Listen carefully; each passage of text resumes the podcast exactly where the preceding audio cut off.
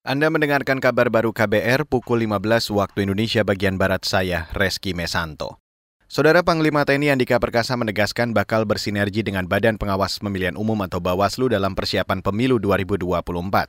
Salah satunya terkait penyerahan data daftar anggota TNI aktif dan purna wirawan. Itu disampaikan Andika usai menerima audiensi tim Bawaslu RI di kantornya. Pak besok jam berapa dan siapa yang mau menerima? Oh, besok. Kita nggak usah lama-lama, Pak. Siapa? Mantap, Loh, kita harus cepat, Pak. Kita hard copy dengan ininya, elektroniknya.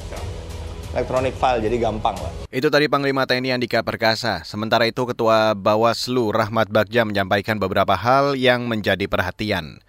Di antaranya terkait pengamanan dan sinkronisasi data untuk pengawasan daftar pemilih tetap atau DPT, khususnya untuk daerah rawan konflik saat pemilu 2024. Beralih ke berita selanjutnya, Saudara. Kalangan anggota DPRD DKI Jakarta menyoroti alokasi dana sekitar 170 miliar rupiah untuk pembangunan trotoar dalam rancangan APBD 2023.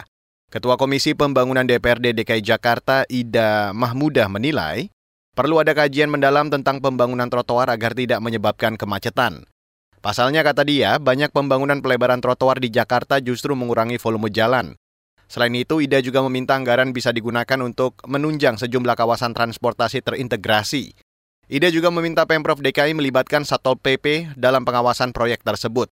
Menanggapi hal itu, Kepala Dinas Bina Marga Jakarta, Hari Nugroho menjelaskan, anggaran akan digunakan untuk pembangunan trotoar di sejumlah titik. Di antaranya Mangga Besar, Gunung Sari Raya, dan kawasan sekitar Jakarta International Stadium atau JIS. Hari menambahkan trotoar yang lebih baik diharapkan bisa membuat pengguna transportasi umum seperti Transjakarta, MRT, dan LRT bisa lebih nyaman. Saudara empat orang tewas dan empat lainnya hilang akibat bencana longsor di Kecamatan Paranglue, Kabupaten Goa, Sulawesi Selatan malam tadi. Longsor terjadi akibat hujan lebat. Dikutip dari Antara, Kepala Kantor Pencarian dan Pertolongan atau Basarnas Makassar, Junaidi mengatakan, semua korban meninggal telah diserahkan kepada keluarga untuk dimakamkan. Junaidi menambahkan longsor juga menyebabkan beberapa rumah warga tertimbun dan satu unit mobil terseret masuk jurang. Saat ini Basarnas dan tim gabungan tengah menyisir area longsor dan aliran sungai untuk mencari empat korban yang hilang. Dan saudara, demikian kabar baru saya Reski Mesanto.